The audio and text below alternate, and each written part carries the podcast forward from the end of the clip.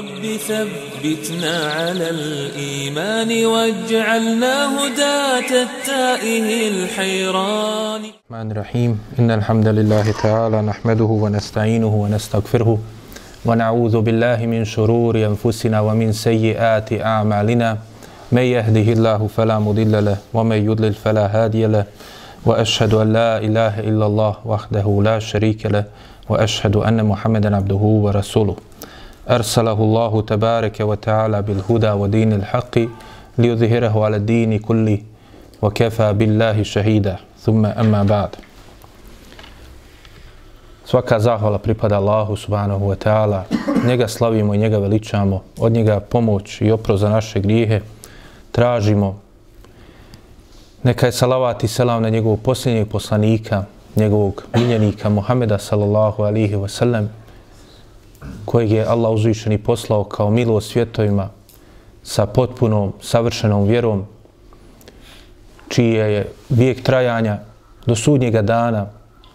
Neka je salavat i selam na njegovu plemenitu i časnu porodcu, kao i na njegove časne i plemenite ashabe, a i sve one koji slijede njihov put do sudnjega dana. A zatim,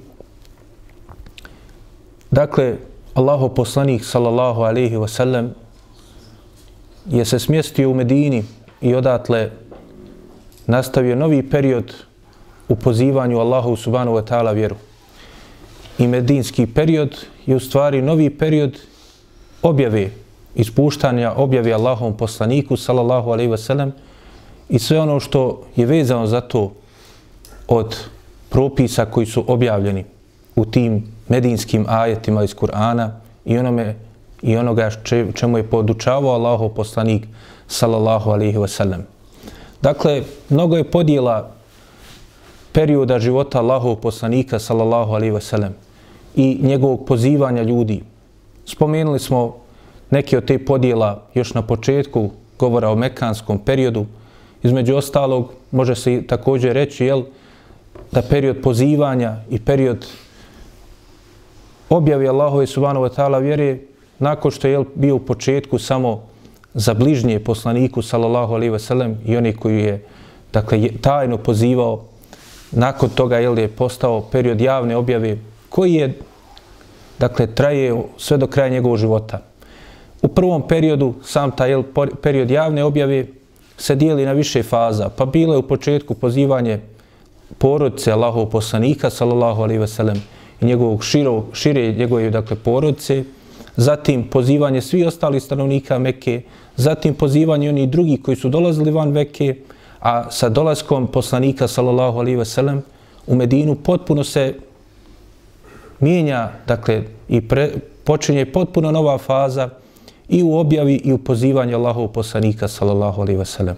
Jer je to period, dakle, ne samo javne dave i pozivanja, dakle, Arapa i mušrika koji su bili, jel, većinom od Arapa su bili, jel, mušrici, nego i pozivanje i oni koji su bili na prethodnim objavama, dakle, jevreja i kršćana, i pojava također kategorije munafika, dakle, koji se, ja, koji, kao što ćemo vidjeti se, u velikom, u određenom broju, da ne kažemo velikom, ali određenom značajnom broju će se javiti posebno nakon što će se odviti bitka na Bedru i ono što će uslijediti u tom periodu u događajima druge godine po Hidžri, kao što ćemo inšala vidjeti. Dakle, potpuno se javlja novi period, dakle, pozivanja i zbog toga Allah uzvišeni ajete koje objavljuje, onda odgovaraju tom periodu. A s druge strane vidjeli smo da je poslanik sallallahu alaihi ve sellem uredio jedno društvo koje do tada nije postojalo ništa slično njemu u istoriji čovečanstva. Dakle, primjer, obrazac jednog društva na kojeg trebaju da se ljudi da ugledaju. Kao što smo jel, obavezni da se ugledamo poslanika, sallallahu alaihi ve sellem, i uzmemo ga uzora i našeg vodiča u svim našim stvarima vezanim za propise vjere, tako je i u svim ostalim oblastima poslanik, sallallahu alaihi ve sellem, zajedno onda još sa svojim ashabima najbolji uzor.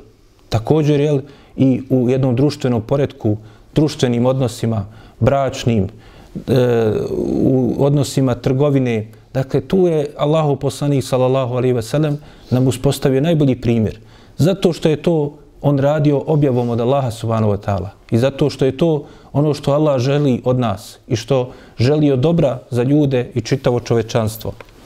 Pa dakle, nakon što pogledamo period koji je bio u Mekki, dakle u kojem su ajeti, kao što znamo i kao što smo vidjeli na mnogim od ajeta koji smo i ovdje spominjali kroz govor o mekanskom periodu, dakle, ajeti su bili kratki. Govorili su o konkretnim nekim temama. Nisu, jel, govorili o nekim detaljima, posebno detaljima propisa, nego su bili fokusirani i bilo je, dakle, ljudi su usmjeravani posebno, dakle, na obožavanje Allaha subhanahu wa ta'ala, na ispovjedanje tevhida njemu. Dakle, što znači, jel, također da ostavi širk. Druga stvar koju ajeti ti ukazuju, vidjet ćemo da govore također o vjerovanju u sudnji dan i sve ono što je vezano za njega. Dakle, od vjerovanju u dženet i džehennem da s jedne strane jel, ljudi kod sebe stvore vjeru u Allaha subhanahu wa ta'ala, ispravnu, iskrenu i potpunu vjeru, potpuni tevhid, a s druge strane da znaju jel, da valja odgovarat za ono što si radio i da je istinska nagrada, istinsko boravište koje vječno jeste ili dženet ili džehenem, spram onoga kako ljudi jel, budu postupali. Pa onda iz toga svega treća stvar koja, koji rađaju ti ajeti kod ljudi bude jeste ljubav prema dobru, sklonost i ljubav prema dobrim stvarima, onome što je Allah uzvišeni, dakle, želi ljudima od dobra. Dakle, sve je to bio priprema za ono što će doći u medinskom periodu. A s druge strane, Allah uzvišeni, jel, nam ukazuje tim ajetima na negativnosti, na pokvarenost određeni radnji, određeni dijela koje su zastupljene bile i u tom mekanskom društvu i među Arapima općenito i također, jel, kao što smo kao što znamo općenito stvari koje su tu spomenute, to su jel, osnovi temelji svih zala, dakle, dakle svih loših stvari. Dakle, Allah uzvišeni s jedne strane naređuje ljudima i preporučuje i postiče i na dobro, a odvraća ih i ukazuje im na ništavnost raznih loših postupaka, ukazuje im na njihovu, dakle, e, loše posljedice koje će imati na njih i na ovome svijetu, a da ne govorimo na ahiretu. I onda kao četvrta stvar iz svega tih ajeta koje Allah uzviše objavljivo u mekanskom periodu, onda je dakle kao proizvod toga, kao trag toga, kao plod koji treba i neophodno je da bude kod vjernika, kao što vidimo i onda na praktičnom primjeru poslanika sallallahu alaihi ve sellem i njegovih ashaba jeste predanost Allahu. Potpuna predanost i svijest da si ovisan Allahu subhanahu wa ta'ala. Da se njemu predaš. Da se predaš onome što on od tebe traži.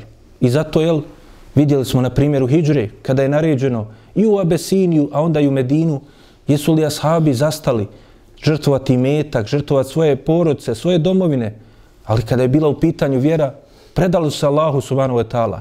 Znali su da će i Allah uzvišeni pomoći. A da ne govorimo i konkretne neke primjere, kao što smo vidjeli primjer Hatidže radijallahu anha, koja je u toliko prilika poslanika sallallahu alaihi ve sellem, pomogla za svoga života i između ostalog one njene velike riječi, kada je tek primio prvu objavu, kada je rekao tebe Allah uzvišeni neće ostaviti. Dakle, predanost Allahu.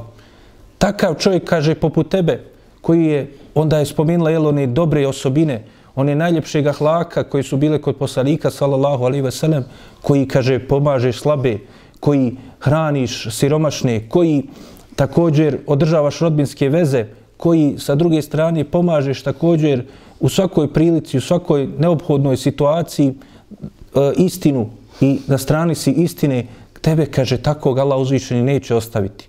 Dakle, to je taj tevhid, to je ta predanost Allahu. I onda kada nešto Allah uzvišeni bude naređivo, takvi su onda prihvatali i hijđru i također, jeli, da onda prihvate mnoge druge propise koji će poslije doći kao naredba Allahu, Allahom poslaniku, sallallahu alaihi ve sellem, i njegovim ashabima. A onda iz toga, jel, kao šesta stvar da kažemo, namiče se to da se vjeruje u poslanika, sallallahu alaihi ve sellem. A šta to znači? Povjerovali su oni u poslanika, ali u čemu se ogleda to vjerovanje u poslanika? Kao što i vjerovanje Allaha ogleda se u ispoljavanju tevhida, dakle, u radnjama nekim, određenim dijelima, tako i pokornost poslaniku sallallahu alaihi ve sellem ogleda se u pokornosti njemu zato što pokornost poslaniku sallallahu alaihi ve sellem nije samo zato što je on jel traži to od nas nego zato što je to dobro za nas i zato što Allah to u stvari traži od nas, zato što je to nam naredio Allah uzvišeni u mnoštvo ajeta. Kao što ćemo vidjeti, jel, kada budemo ili kada čitate sure koje govore o upravo dakle propisima koji su propisani u medinskom periodu, medinske sure, poput sure Bekari, poput sure Alu Imran, sure Nisa, sure Majde, koliko često u, unutar ti ajeta koji govore o određenim propisima, dođe ajet u kojem se spominje u atiju Allahe, u atiju Rasul. Pokorite se Allahu i njegovom poslaniku. Također, jel, fela wa rabbike la yu'minune hatta yuhakkimuke fima šeđere bejnehum. Kaže, tako mi tvoga gospodara, oni neće vjerovati dok tebe ne private za svoga sudca u svojim međusobnim sporovima. Thumme la jeđidu fi enfusin haređen mima kadejte. I onda da ne nađu nikakvu, dakle, poteškoću, nikakvu tegobu u svojim prstima zbog onoga što si ti presudio. Zato što je to od Allaha subhanahu wa ta'ala. I kod te stvari možemo napomenuti, dakle, ono što je također važno za ovaj medinski period, dakle, kakve su odlike poslanikovog, sallallahu alaihi wasallam, pozivanja ljudi, koji će postati jasni iz onoga što se dešavalo u medinskom periodu i događaje koje ćemo spominjati u medinskom periodu. Dakle, upravo je prva stvar ta da je, dakle, poslanik, sallallahu alaihi wasallam, i njegova dava bila rabanije. Šta znači rabanije? Dakle, da je ona od gospodara, subhanahu wa ta'ala, Allaha uzvišenog, Dakle, njen izvor je objavo od Allaha subhanahu wa ta'ala. I ono što je ljude podučavao, što je odgajao, to je bilo, dakle, po božanskom planu koji je Allah uzvišeni mu objavio. Zar ne vidimo kada Allah uzvišeni kaže u Kur'anu Wallahu jedu ila dari salam. U šta Allah uzvišeni poziva ljude? Pozivaju dobro. Kaže Allah vas poziva jedu, daveti vas ila dari salam u kuću spasa kuću spasa i na Dunjaluku, a da ne govorimo o kući spasa na Hiretu, u Dženetu. Dakle, poziva se ono dobro. I zato Allah uzvišeni u drugom ajetu kaže Efela je tedeberun el Kur'an. Zašto kaže ne razmisle duboko o Kur'anu? Zašto, dakle, ne provedu vrijeme razmišljajući o Allahovim ajetima koji ne objavljuje? Jer Allah uzvišeni onda dalje to objašnjava i kaže Walau kana min indi gajri lahi leveđedu fihi ihtilafen kethira. Kaže da je on od nekoga drugog, mimo od Allaha subhanahu wa ta'ala, vidjeli bi u njemu mnoštvo proturiječnosti, mnoštvo jel, kontra, kontradiktornosti.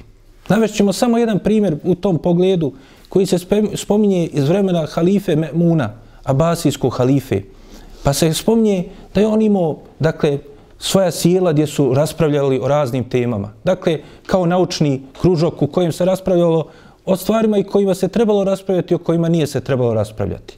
Pa su tu učestvovali razni ljudi, i muslimani i nemuslimani. Bio je jedan, spominje se, jevrej koji je učestvovao i kaže, nakon nekog vremena njega je, nije se više, nije dolazio tu. Jedne prilike se došao je u konfrontaciju sa Munom oko nekog pitanja, nakon toga se više nije pojavljivo. Prošla je, kaže, godina, onda se on pojavio ponovo kod Me'muna. Me'mun ga je prepoznao i vidio da je došao i pozvao ga sebi i upitao ga, že, šta je bilo, zašto te nije bilo ovi u ovom prethodnom periodu. Kaže ovaj jevrej, kaže, u ovoj godini desilo mi se nešto čudnovato, što ti želim i ispričati, između ostalog, zato sam i došao. Pa kaže, nakon što smo vidjeli i pričali o mnogim temama, ja sam uzao, kaže, a bio je pisar, u tom vremenu je vrlo važan posao. Dakle, vrlo je malo bilo ljudi koji su bili pismeni, a posebno je da pišu u tom vremenu kada nije bilo savremeni sredstava, dakle, poput našeg doba, kada imaju štamparije koji će štampati knjige i tako dalje, nego ti pisari su svojim rukama pisali i prepisivali knjige. I onda to je bio vrlo važan i plemenit posao u tom vremenu. I kaže, uzeo sam, dakle, da napravim jedan test, jedan društveni eksperiment. Uzeo sam, kaže, Tevrat, Inđil i Kur'an, da ih prepiše. Ali kaže šta je uradio? Uzo je Tevrat, prepisao svojom rukom tri primjerka.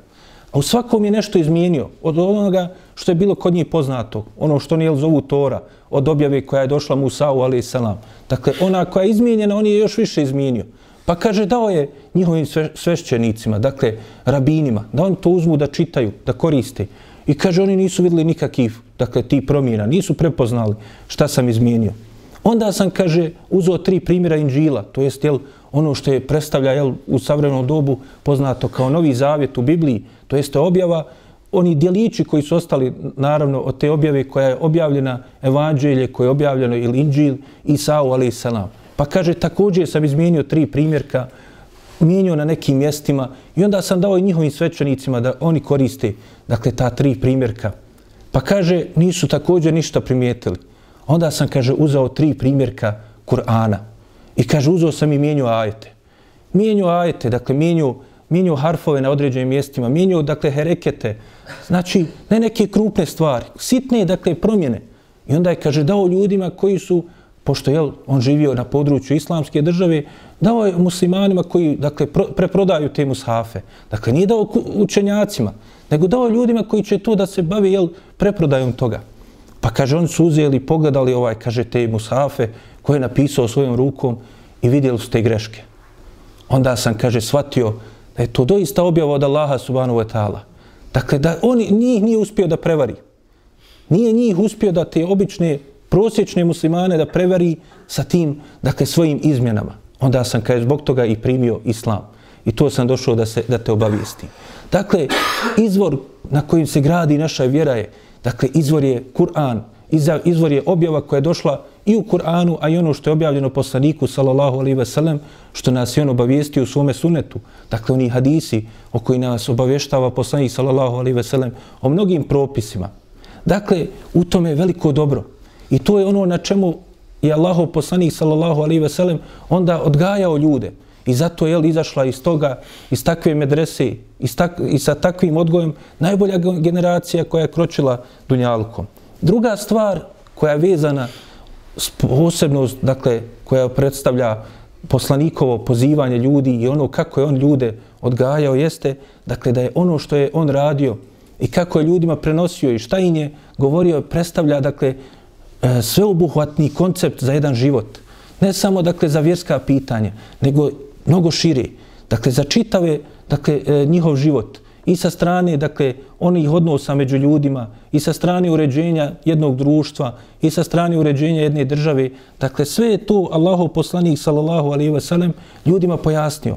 Allah uzvišeni u tom kontekstu također kaže وَنَزَلْنَا عَلَيْكَ الْكِتَابِ Kaže, objavili smo ti knjigu. Ti bijanen li kuli šeji. U kojoj je, kaže, objašnjenje za svaku stvar. U Kur'anu je objašnjenje za svaku stvar. Nije to znači da je svaki detalj spominut? po pitanju, dakle, i ovi savremeni stvari koje se desile 1400 godina nakon što je bio poslanik sa Veselem, jeste, i to je pojašnjeno. Ono što je najvažnije za tebe rečeno ti je. Dakle, kako ćeš postupati u svakom vremenu, objašnjeno ti je. Nisu detalji spomenuti, ali su došla generalna pravila u kojima je, kao što dalje Allah uzvišeni kaže, dakle, to pojašnjenje, kaže dalje, šta znači to pojašnjenje? To onda se ogleda u tome što je to vahuden, rahmet, wa bušra lil muslimin. Kaže, u tome je i uputa, uputa kako da se postupa u svaku, svakom vremenu.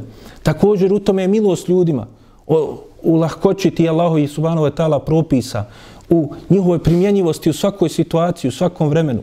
Pa zar nisu naši učenjaci u savremenom dobu, iako nije došlo jel, u hadisima, u ajetima pojašnjeno kako klanjati na, u avionu, i to nam je pojašnjeno u našoj vjeri. Nije ništa ostalo, a da poslanik sallallahu alaihi ve sellem nije pojasnio. I to smo više puta spominjali. Kao što kaže Ebu Zer al-Gefari, kaže, sve nam je poslanik sallallahu alaihi ve sellem pojasnio. U drugoj predaji se kaže, kaže, izašao je nakon sabaha, popeo se na svoj mimber i kaže, pričao nam do podne. Pa je onda pričao nakon podne što smo klanjali do ikindije. Pa onda nakon ikindije pričao nam je do akšama, pa onda nakon akšama popeo se do mimbera, na mimber i ponovo pričao do jacije. I kaže, sve nam je objasnio. Završio je time, kaže da vjernici će ući u dženet, a nevjernici u džehenem. Znači, sve je pojašnjeno.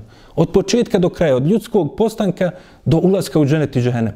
Ebu Zer al-Gifari kaže, kaže, objasnio nam je čak i kako ptice lete u, u, u, u, dakle, u svome letu i sve što je vezano za njih. Salman el Farisi, spominjali smo kako bilježi ima muslim, da ga je pitao upravo jedan jevri, kaže, o čemu vam je govorio Allahu poslanik? Pa kaže, pojasnio nam je sve. Pojasnio nam je i kako ćemo nuždu da obavimo. I to nas je podučio Allahu poslanik, sallallahu alaihi veselem. Pogledajmo savremene nauke, istraživanja, otkrića, a poslanik, sallallahu alaihi veselem, pojašnjava, jel, svako dobro za ljude. Pa kaže, jel, s jedne strane da se čistimo nakon nužde. Gdje su oni koji sada muslimane optužuju za mnoge stvari, a gdje su oni bili i kakve su oni preživjeli periode u svojoj istoriji samo zbog takvih stvari. Nisu znali šta je sapun dok nisu došli do muslimana. Nisu znali šta je čistoća dok nisu upoznali muslimane. A sada, jel, drže lekcije muslimanima o tim stvarima. Po, ovdje kaže Salman al-Farisi, podučio nas je poslanik sallallahu alaihi sallam da kad obavljamo malu ili veliku nuždu, da se svojim prednjim ili zadnjim dijelom ne okrećemo prema kibli. Da kada se čistimo, ne čistimo desnom rukom, jer tom rukom jedemo, nego lijevom rukom. I da kada nemamo vode, kao što je u drugim hadisima došlo, da se čistimo vodom, ali kaže kada nemamo, onda da se čistimo sa najmanje tri kamena, a da se ne čistimo sa sušenom balegom ili sa kostima.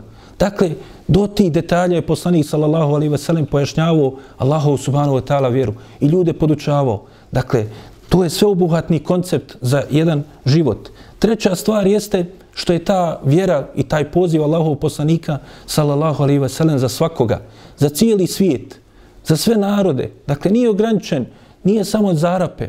Vidimo, jel, bio je u Mekki, ali dolazko u Medinu ponovo, potpuno se širi njegovo polje, polje djelovanja i objava koja silazi u tom kontekstu. Također vidimo jel da se obraća i onima koji su bili na prethodnim objavama i onima koji su bili dakle na širku i onima koji su bili kao što ćemo vidjeti kada bude slao pisma vladarima, dakle obuhvatio je sve one kategorije ljudi koji su postojali i danas dan postoje. Dakle nije ostavio nikoga da i nije pozvao.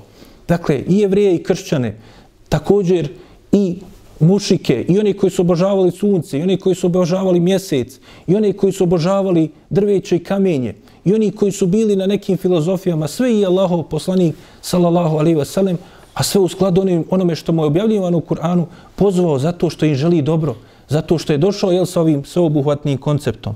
Između ostalog, Allah uzvišen i kaže zbog toga, kul, kaže, reci, kul, ja, ejuhan nas, inni rasulullahi ilaikum džemijan. Kaže, reci, Allaho poslaniće, o ljudi, dakle ne obraća se vjernicima, ne obraća se i određenu narod, nego kaže općeniti poziv svim ljudima, o ljudi, o svi ljudi, ja sam vam svima poslanik, Allaho, svima. U drugom ajetu Allah uzvišeni kaže, وَمَا أَرْسَلْنَاكَ إِلَّا كَافَةً لِلنَّاسِ بَشِيرًا وَنَذِيرًا A kaže, nismo te poslali osim svim ljudima, kaže. Sve do jednog čovjeka, kafe. Dakle, potpuno, svim ljudima. Kao onaj koji će je obveseliti i onaj koji će upozoriti. Obveseliti sa, da rade dobre stvari za nagradu koju će dobiti ako i budu radili i da ju upozori o njihovi loših strana i loših postupaka koji rade. Nakon toga također da je put poslanika sallallahu alaihi ve sellem bio umjeren, bio put dobra. Ovaj prethodni ajet koji smo spominjali gore kada kaže Allah uzvišeni wa nazalna alejke al-kitabe tibjana li kulli shay wa hudan wa rahmatan wa bushra lil muslimin, to je ajet u suri Nahl, sura koju učenjaci zovu sura blagodati, zato što se u njoj spominju mnoge blagodati koje nam Allah uzvišeni dao. Nakon ovog ajeta Allah uzvišeni kaže, sljedeći ajet, kaže, inna Allahe ja'muru bil adli, wal ihsani, wa itai dhil kurba, wa jenhanil fahšaj, wal munkeri, wal bagi. Kaže, Allah uzvišeni spominje temelje dobra, i spominje temelje zla.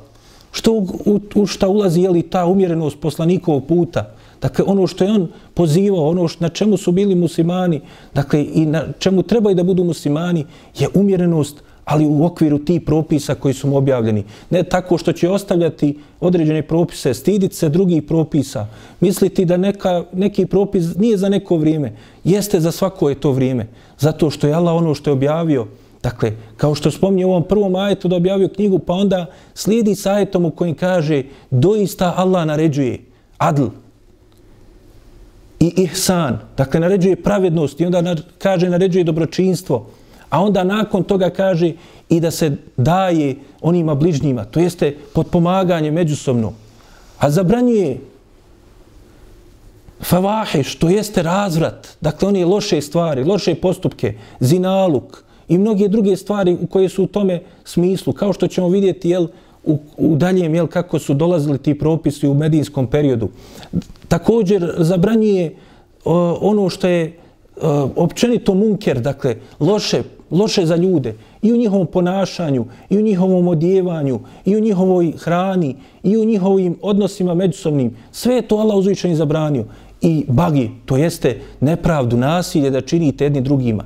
Dakle, Islam je čisto toga. Allah uzvišeni pojašnjava da ovi propisi, ovi majete kaže, ovi propisi koje sam vam ja objavio, i zato su naši hatibi često jel, isticali ovaj ajet, dakle, iako nisu objašnjavali ljudima zašto je važan taj ajet, zato što on pokazuje da je Islam, dakle, da je to jedna od najboljih parola koje ljudi mogu imati, zato što je to odlika Islama, to je, dakle, opis Islama, dakle, potpuna pravednost, potpuno dobro ljudima koji se nudi, a zabranjivanje samo onoga što je loše za njih.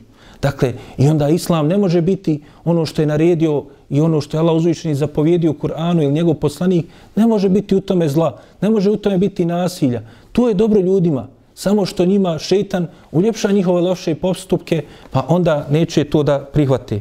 I peta stvar koja je kao i zaključak ovih prethodnih stvari jeste da je njegova vjera, dakle, vječna, trajna, do sudnjega dana. Dakle, primjenjiva za svako vrijeme i prostor kao što ćemo to vidjeti kroz propise koji su propisani u posebno ovom medijinskom periodu. Pa dakle, kada dođemo do tog medijinskog perioda, on ima svoje određene karakteristike. Karakteristike kao period i karakteristike propisa koji su propisani. A posebno u svjetlu ovoga što smo spomenuli od poziva poslanika sallallahu alaihi ve sellem. Dakle, prva osnovna stvar jeste dakle, da u tim karakteristikama i posebnostima propisa u medijinskom periodu jeste da su došli propisi u svim oblastima. Dakle, upotpunjeni su propisi i ibadeta, i muamelata, to jest međusobni odnosa, i također čak i nasljedno pravo, pa također i kazneno pravo. Također Allah uzvišeni nam pojašnjava i propise vezane za porodcu, za društvo, propisan je u ovom periodu i borba i džihad, dakle, radi toga da bi se sačuvale ove vrijednosti, da bi se ostvarile i da bi se muslimani branili od onoga što im se nađe, jel, onoga što su im pripremili, kao što ćemo vidjeti u ovom prvom periodu, dakle, mušici od sletki i neprijateljstava. Druga stvar jeste da u ovom periodu, dakle, se javljaju nove kategorije u društvu. U Meki, dakle, bilo je samo mušici i bili su, dakle, muslimani koji su povjerovali, ashabi. Mušici su bili svi od Arapa. Sada se u medijinskom periodu, dakle, društvo i medijinsko, kao što smo spomenuli, javljaju nove kategorije u njemu, a također i onima kojima se obraća poslanik sallallahu alaihi ve sellem. Već je neki ti, dakle, kategorija bilo, kao što smo vidjeli u Abesini, ili ona grupa koja je došla iz Neđrana od kršćana, ali, dakle, ovdje to postaje jasno. I postaje, dakle, jasno kome se obraća Allahov poslanik, sallallahu alaihi ve sellem, a u skladu s tim i objava silazi. Dakle, imamo Prva stvar imamo kategoriju, dakle, ehlu kitabija, pripadnika prethodnih objava, jevrija i kršćana. Jevreji, jel, kao što znamo, videli smo, žive u samoj Medini, a kršćani se nalaze i u Arab, na arapskom polotoku, a i okolo arapskog polotoka naseljavaju mnogi od kršćana. I onda u skladu s tim dolaze i objavljuju se a, a, sure.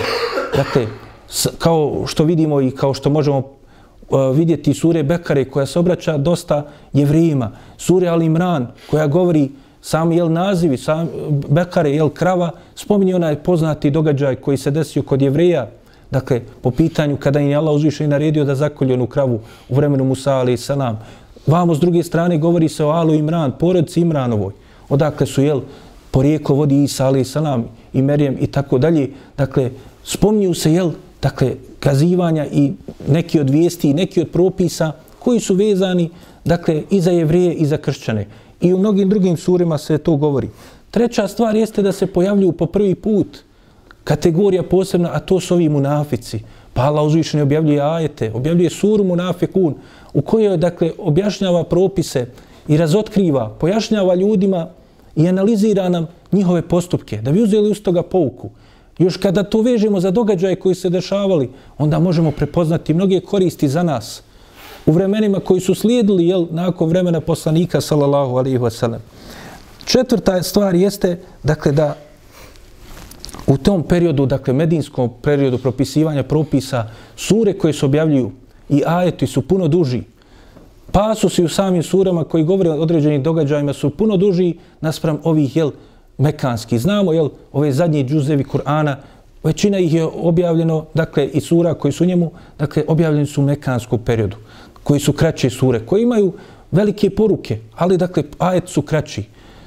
Tek pred krajem mekanskog perioda se objavljuju puno duže sure, poput sure Hud, poput sure, kao što smo spominjali, Jusuf, u kojima se opisuju već neka kazivanja i priprema poslanik sallallahu alejhi ve sellem upravo na ovaj medinski period. A s druge strane, jel, spominju se kazivanjima o poslanicima. Kao što znamo, svi zajedničke karakteristike svih tih naroda je bila da su činili širka Allahu, da nisu ispovjedali tevhid, da nisu priznavali poslanstvo svojih poslanika i da su onda radili mnoge stvari kao posljedica tih stvari. Dakle, od najgori širk, a onda neki su radili mnoge druge grijehe koji su proizilazili iz ove dvije osnovne stvari.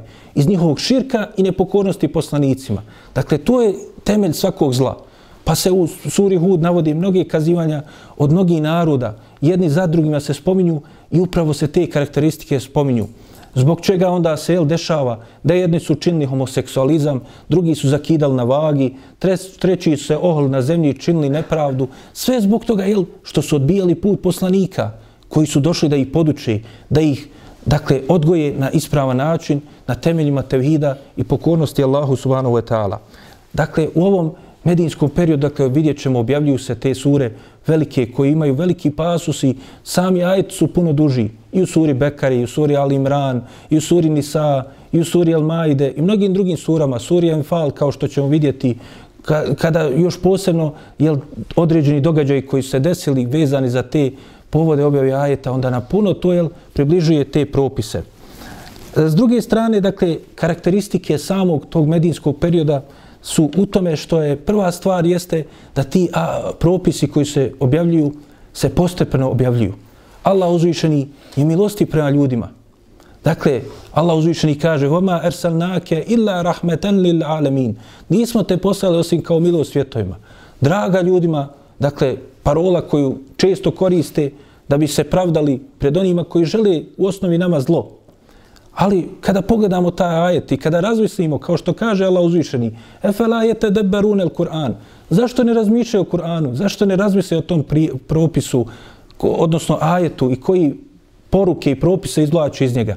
Pa dakle, prva stvar od Allahove milosti je što je postepeno objavljivo te propise. Druga stvar je, zar može biti Ako kažete da je Allah uzvišeni poslao poslanika, sallallahu alaihi ve sellem, kao milo svjetovima, da može biti nešto u propisima kojim on propisuje da tu ima nekog varvarstva, neuzubila, da u tome ima nekog zla prema ljudima, nepravde prema bilo kojem čovjeku, bez obzira na njegovu porijeklo, njegovu naciju, njegovu vjeru, ne može biti. To je samo potpuno dobro. Milost od Allaha subhanahu wa ta'ala. Taj ajet nam govori da je Allah uzvišeni poslao Kur'an, poslao poslanika sallallahu alaihi ve sellem kao milost svjetovima. Dakle, i muslimanima i nemuslimanima. Muslimanima u propisima koji nije propisao milost je za njih. Nemuslimanima time što ih poziva da prihvate i oni. Ako odbiju da se na najljepši i najbolji način i najpravedniji način prema njima postupa. Ako oni učine nepravdu muslimanima, pa normalno niko neće sam da trpi nepravdu. Niko neće dozvoliti da ga uništavaju, i da ga tjeraju u svoje jarme, tako jel, ni muslima neće to sebi dozvoliti i onda su došli u skladu sa tim i propisi.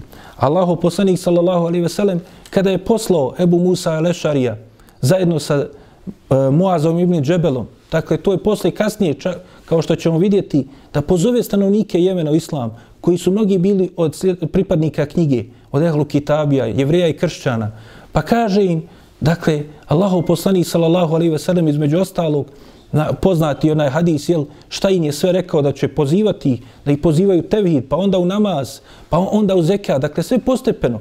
Pa kaže ako private tevhid onda i pozovite u namaz. Pa ako private namaz pozovite u zekat. I onda općenito jel kaže na kraju da se nikome ne čini nepravda i da se čuvamo od ove mazluma pa čak i do ove mazluma nevjernika. A također je poslanik sallallahu alejhi ve sellem u hadisu kod Buhari rekao i dakle veliku isto poruku. Kaže beširu wala tu uh, beširu uh, rekao im je uh, wala tu wala tu asiru wa beširu wala tu nefiru. Dakle velika poruka poslanika sallallahu alejhi ve sellem kaže obveseljavajte ljude nemojte ih kaže da ih o, otjerujete osobe. A prije toga kaže, olakšavajte ljudima, nemojte da im otežavate. Dakle, a šta to znači? Da se ostavi dio propisa. Ne vidimo u ovom prethodnom hadisu, rekao je da ih pozovu namaz, da ih pozovu u zekat, da ih pozovu u tevhid. Nije ni to lahko da čovjek izvršava pet namaza dnevno i tako dalje, da dadne zekat iz svoga imetka. Dakle, ima to poteškoće za čovjeka u njegovoj srcu, u njegovoj duši, ali dakle, to znači da ih jel, ne opterećuju sa nekim teškim propisima, da ih postepeno jel, pozivaju da prihvate te propise. A ti propisi sami po sebi, i to je druga karakteristika ovog medijinskog perioda, su propisi lahki. Dakle, uklanja poslanik sallallahu alejhi ve sellem od ljudi teškoće. Kako se to i u čemu se to ogleda? Pa kaže Allah uzvišen između ostalog la yukallifu Allahu nefsan illa wus'aha. Dakle, ako vjerujemo Allahu subhanahu wa ta'ala, ako ga prihvatamo, onda moramo znati to i prihvatiti da Allah uzvišeni ne opterećuje nikoga iznad njegove mogućnosti. Ono što je Allah uzvišeni propisao, ne može biti u tome opterećenje iznad tvojih mogućnosti. Imaju propisi kad čovjek dođe u teške situacije, nešto što mu je teško, onda poslanik sallallahu alejhi ve sellem jel pojašnjava propise koji olakšavaju te stvari. U drugom ajetu Allah uzvišeni spominje poslaniku sallallahu alejhi ve sellem a onda i onima kojima se on obraća, konkretno jevrejima, dakle, zbog onoga što je bilo u njihovim šarijatima, zato što je bilo teških propisa za njih, zbog onoga što su činili o nepokornosti poslanicima i svoga griješenja, pa Allah uzvišeni kaže وَيَدَعُ عَنْهُمْ إِسْرَهُمْ وَالْأَغْلَالَ أَلَتِي كَانَتْ عَلَيْهِمْ Kaže Allah uzvišeni nas obaveštava i kaže da uklanja one teškoće i tegobe koje su bile im propisane. Kako se to gleda? Pa kažu učenjaci spominju neke od tih propisa. Dakle, kod njih je bilo, i to se spominje također i u suri e, Bekare, kada govori Musa alaih salam, dakle, svome narodu kaže, onaj koji želi da se pokaje, mora da počini samoubistvo. Dakle, to jeste jedini iskup, dakle, za, e, kao teuba, za mnogo, griješenje veliko koje je učinio, mora da izvrši, dakle, ubistvo svoje. Dakle, da bi se iskupio za to. Kada bi njihovo odjeću pogodila neka stvari neđaseta, prljavštine, nisu mogli to više oprati, nego su morali izrezati taj dio dakle, na svojoj odjeći. Dakle, bili su vrlo teški propisi. Čak neki od njih, dakle, neki u tim prethodnim objavama, ljudi su bili kažnjavani čak i za svoje loše misli. Dakle, ako pomisli na neko zlo, ne dakle da odluči da ga uradi i potrudi se da uradi, nego pomisli na zlo, odma ima grijeh, samo što je pomislio na zlo. Inače, to je to kod ovih koji se jel, pozivaju na prijedlone nebeske objave, da ljude čak jel, danas dan neki od njih govori da je griješan zbog neki loši griješni, kao što oni kažu, misli.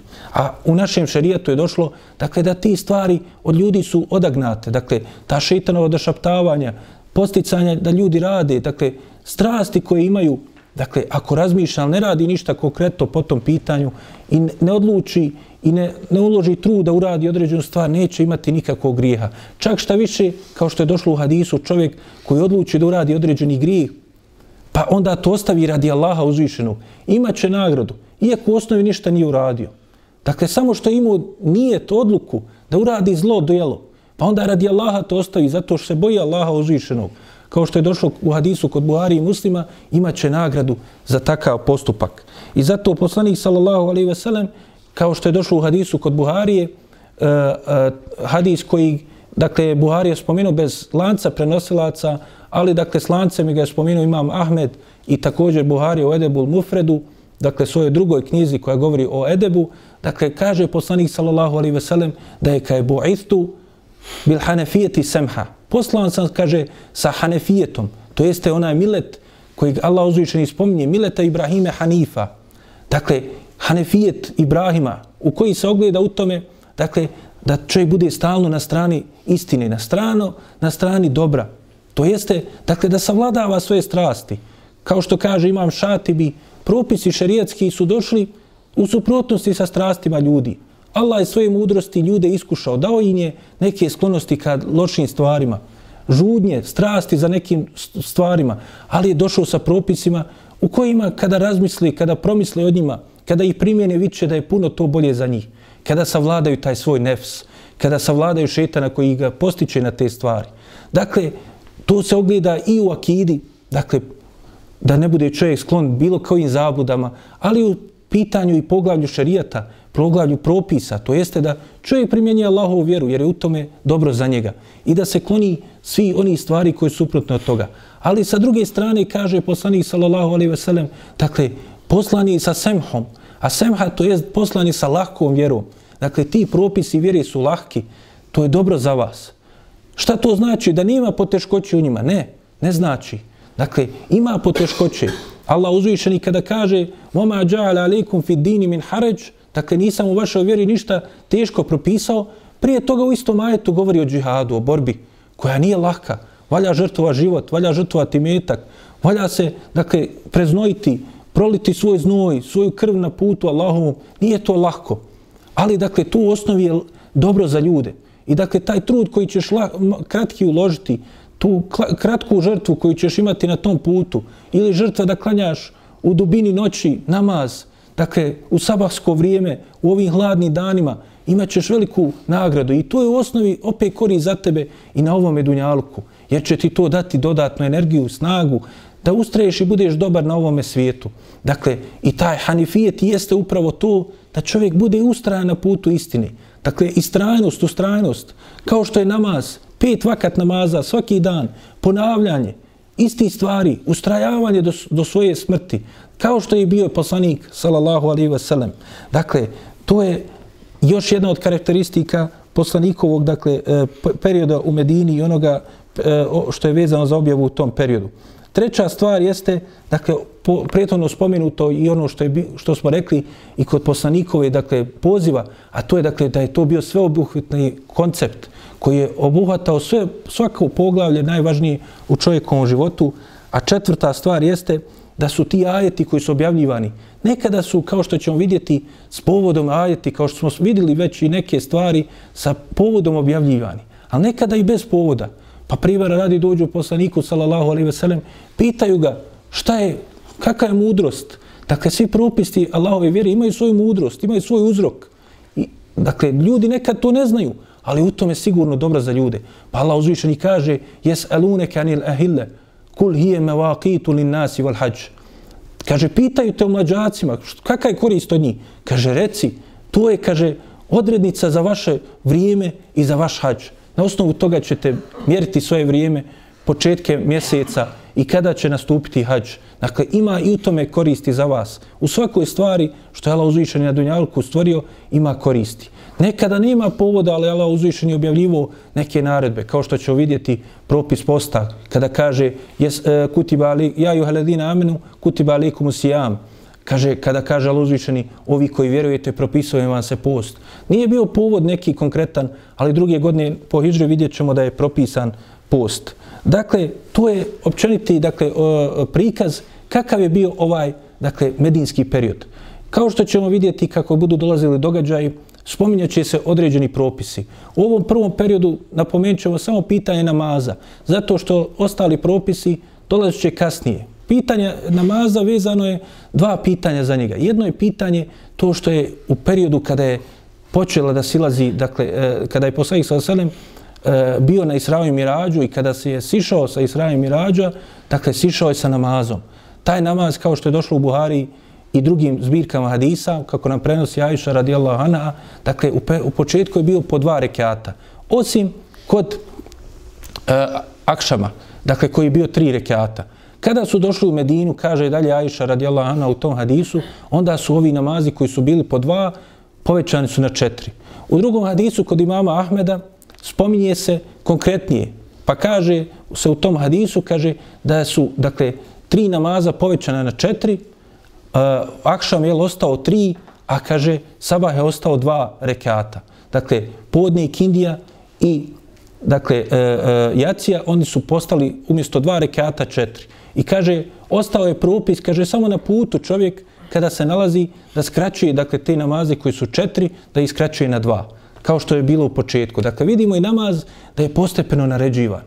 Potvrđuje se u njemu, dakle, ta postepenost. Ima e, i Hafiz, e, Ibn Hajar pojašnjavajući zašto je dakle ove su po četiri, akšan tri, a dakle e, dva rekiata, sabah namaz, kaže Hafiz Ibn Hajar, kaže, Allah najbolje zna mudrost toga je, kaže, zato što, kaže, na sabahu treba da se duže uči.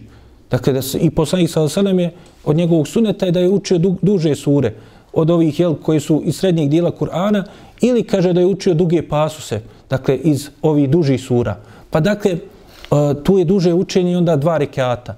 A kaže, što se tiče e, akšama, zašto tri rekata? Kaže, zato što je on, kaže, kao vid vitr namaza za dan. Dakle, imamo vitr koji je propisan u noći, dakle, koji je pritvrđeni sunet, a kaže, a, dakle, akšam je, kaže, jedna od mudrosti koju on izvlači iz toga je zato što je on tri rekata kao za završetak onih ibadeta koje čovjek činio u danu. Zato što, je, dakle, akšam se klanja odmah nakon što se završi dan.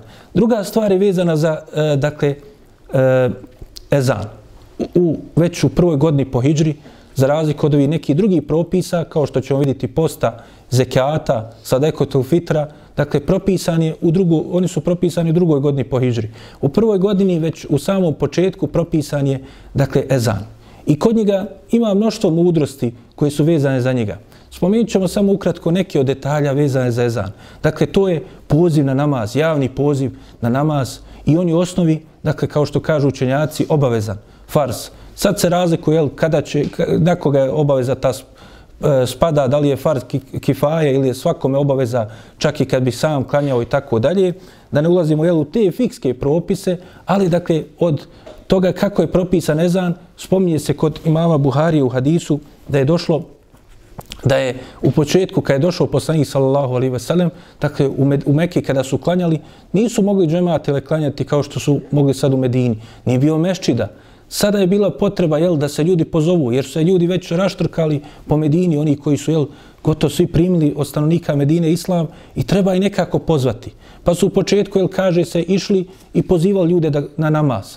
Dakle išao bi neko i govorio ljudi ajmo da klanjamo. Pa je, kaže, došlo da je poslaniku, sallallahu alaihi veselem, onda u tom hadisu kod Buhari se spomnje predložene neke stvari kako bi mogao da ljudima, dakle, odredi način poziva za namaz. Pa kaže, rečeno je, neki su predložili, kaže, možemo uzeti, dakle, da imamo zvono. Kaže, pa da se zvoni za namaz. Pa je poslanik, sallallahu alaihi veselem, odbio, jer je to bilo od praksi kršćana. Dakle, poslanik, sallallahu alaihi veselem, to ćemo isto također vidjeti, često je propisima naglašavao to da se razlikujemo od drugih. Dakle, ne u smislu da bi mi nekome bili jel, neprijateljski nastrojeni prema njima ili u tome nešto u smislu da se cilja samo da se bude kontra nekoga. Ne, nego zato da se istakne ljepota Islama. Pa kaže, nećemo uzimati te od njih stvari. Na kraju to nisu oni po božanskoj objavi doveli i uveli kod sebe. Druga stvar koju su mu predložili bilo je da se puše u rog. Pa je poslanik sallallahu alejhi ve sellem također i to odbio zato što je to bila praksa jevreja. Treći su spominje se da su rekli kaže da možda uzme kaže jednu zastavu pa da se ona izdigne dakle iznad meščida pa kada ljudi ugledaju dakle onda da se sjeti da trebaju da idu na namaz. Ali to nije bilo praktično. Pa kaže također poslaniku sallallahu alejhi ve sellem onda je kaže s ovom hadisu neko predložio za ezan pa je onda on to prihvatio i naredio Bilalu da ezani. Konkretno kako je došlo do ezana, spominje nam hadis kojeg bilježi Imam Ahmed ibn Hiban, također spominje Ebu Davud u svome sunenu, kaže se da je Abdullah ibn Zaid radijallahu anhu Ensarija usnio u snu nakon što je pričao i bio prisustvo u ovom razgovoru sa poslanikom sallallahu alaihi veselem i njegovim ashabima, kaže došao je onda kući i zaspao. I kaže usnu je usnio kako je vidio nekog čovjeka koji ide i nosi, kaže, zvono. I kaže, odlučio sam da tražim da to, kaže, zvono od, od njega otkupim. Pa je rekao, o Allahov robe, koliko je to zvono košta da, da mi ga prodaš? Pa je, kaže, pitao, a šta ćeš kada je s njim? Pa kaže, da ti me pozivao na namaz. Kaže, a želiš li da ti ja ponudim nešto što je bolje od toga? Pa kaže, rekao sam naravno. Pa kaže, onda mi on proučio ezan. Dakle, ona ezan koji je poznat kod nas. Dakle, svi one rečence koji se spominju u ezanu. Također, kada je proučio mi i kamet, isti onaj jel, oblik, dakle, ezana s tim što je jel, skraćeno. Svaki ono što je došlo da se uči po, dakle, e, e, osim dakle, prvih četiri tekbira, kaže, spomenuo je dva tekbira, umjesto šehadeta po dva puta, spomenuo je sve rečence, one koji idu po dva puta, jel, po jednom, i sa dodatkom kad kameti sala dva put. Dakle, taj oblik mu je spomenuo u ovom hadisu koji je vredostojan, dakle ovaj koji je on, on usnio. Pa kaže, otišao sam poslaniku, sallallahu alaihi veselem, da pitan za tumačenje tog sna. Pa kaže, on mi je rekao, dakle, i potvrdio to što sam rekao i onda je rekao Bilalu da tako i prouči ezan. Pa kaže, Bilal je onda proučio ezan i kaže, nakon toga u drugom predaju ovoga hadisa se spomnije, kaže da je kada je čuo taj ezan, Omer radijalo Anu, kaže, obradovo se i rekao, kaj, pa doista sam ja to još prije 15 dana sanio isti san. I požurio je poslaniku, sallallahu alaihi ve sellem, da ga o tome obavijesti. Pa kaže, kada ga je obavijestio, rekao je Allahu poslanik, sallallahu alaihi ve sellem, zašto mi to nisi rekao? Pa kaže, stidio sam da to spominim. A onda, jel, na kraju me je pretekao Abdullah ibn Zaid u tome kad je on rekao poslaniku, sallallahu alaihi ve sellem. I na taj način je, jel, onda propisan ezan. Što se tiče, dakle, ko su bili muezini Allahov poslanika, sallallahu alaihi ve sellem, spominje se da je, kao što bilježi ima muslim, bilo, dakle, dvojica. Dakle, a to su Bilal radijallahu anhu i Abdullah ibn Umi Mektum. Dakle, onaj slijepi ashab koji smo spominjali, koji je također bio među onima prvima koji je učinio hijđru, iako je bio slijep, dakle, ali pokoravao sa Allahom poslaniku, sallallahu alaihi ve sellem, i kao što je poznato u predaji koju se govori o i propis koji se izvlači obaveznosti namaza džemata upravo govori o ovom ashabu između ostalog neki navodijel od e, dakle učenjaka da je on upravo bio taj koji je navodio mnoga opravdanja poslaniku sallallahu alejhi ve sellem pa je rekao ako čuješ ezan dužan si da mu se odazoveš. Dakle on je bio muezin Allahov poslanika sallallahu alejhi ve sellem i njih dvojica su se jel mijenjali. E, također se spominju još dvojica muezina poslanika sallallahu alejhi ve sellem a to su Ebu Mahzure, dakle to je jedan od ashaba El Mahzumi radijallahu anhu koji je poslije poslanik sallallahu alejhi ve sellem ga odredio da bude muezin u pored Kabe, dakle u Mešćidul Haramu u Mekki. Nakon što je, je došao tamo poslanik sallallahu alejhi ve sellem. A četvrti je Sa'd ibn Aid al-Quraz. Sa'd ibn Aid al-Quraz je bio u početku muezin u mešćidu Kuba, dakle onaj prvi mešćid koji je poslanik sallallahu alejhi ve sellem izgradio. A poslije kada je bila radijallahu anhu nakon smrti Allahov poslanika sallallahu alejhi ve sellem otišao da živi u području Šama, onda je kaže dužnost Bilala koji je dotada muezinio i dakle kao što je poznato više nikada nije muezinio sve dok Omer radijallahu anhu ga nije pozvao kada je ušao u kuc da još jednom prouči ezan iznad kuca kako se spomnije da je onda bila radijallahu anhu bio taj koji je iznad sve tri mešćida jel, proučio ezan. Za vrijeme poslanika sallallahu alejhi ve sellem bio mu je muezin kod mešćida njegovog u Medini kada su oslobodili Meku, onda je proučio ezan prvi iznad Kaabe i također iznad kuca je proučio prvi dakle ezan. A u Medini, dakle, nakon što je on odselio, dakle, ovaj ashab Sad je preuzeo dužnost muezina. Dakle, To je ono što je vezano u ovom što smo želi da kažemo po pitanju dakle, propisivanja novih propisa. Ima još mnogo stvari koje su vezane za teo, ali dakle, to ćemo nastaviti inšala sljedeći put. Posebno ono što je vezano dakle, za jedan još veliki ibadet koji je Allah uzvišeni propisao u ovom periodu, a to je dakle, ono što je vezano za borbu na Allahom putu, džihad. Molim Allaha subhanahu wa ta'ala da nam poveća ljubav prema Allahom poslaniku, sallallahu alaihi wa sallam, da nas učini od njegovih istinskih sljedbenika. Molim ga subhanahu wa ta'ala da pomogne muslimane na svakom mjestu, da pomogne onima koji su od njih potlačeni, da ih da im se smiluje i da im olakša njihova iskušenja. Molim ga subhanahu wa ta'ala da uputi i nas i naš narod u Allahu subhanahu wa ta'ala vjeru i da vrati sve muslimane na svakom mjestu njihovoj vjeri na najljepši način. Amin. Subhanike Allahumma mi bihamdike, ešhedu an la ilaha illa ent, استغفرك واتوب اليك يا رب ثبتنا على الإيمان واجعلنا هداة التائه الحيران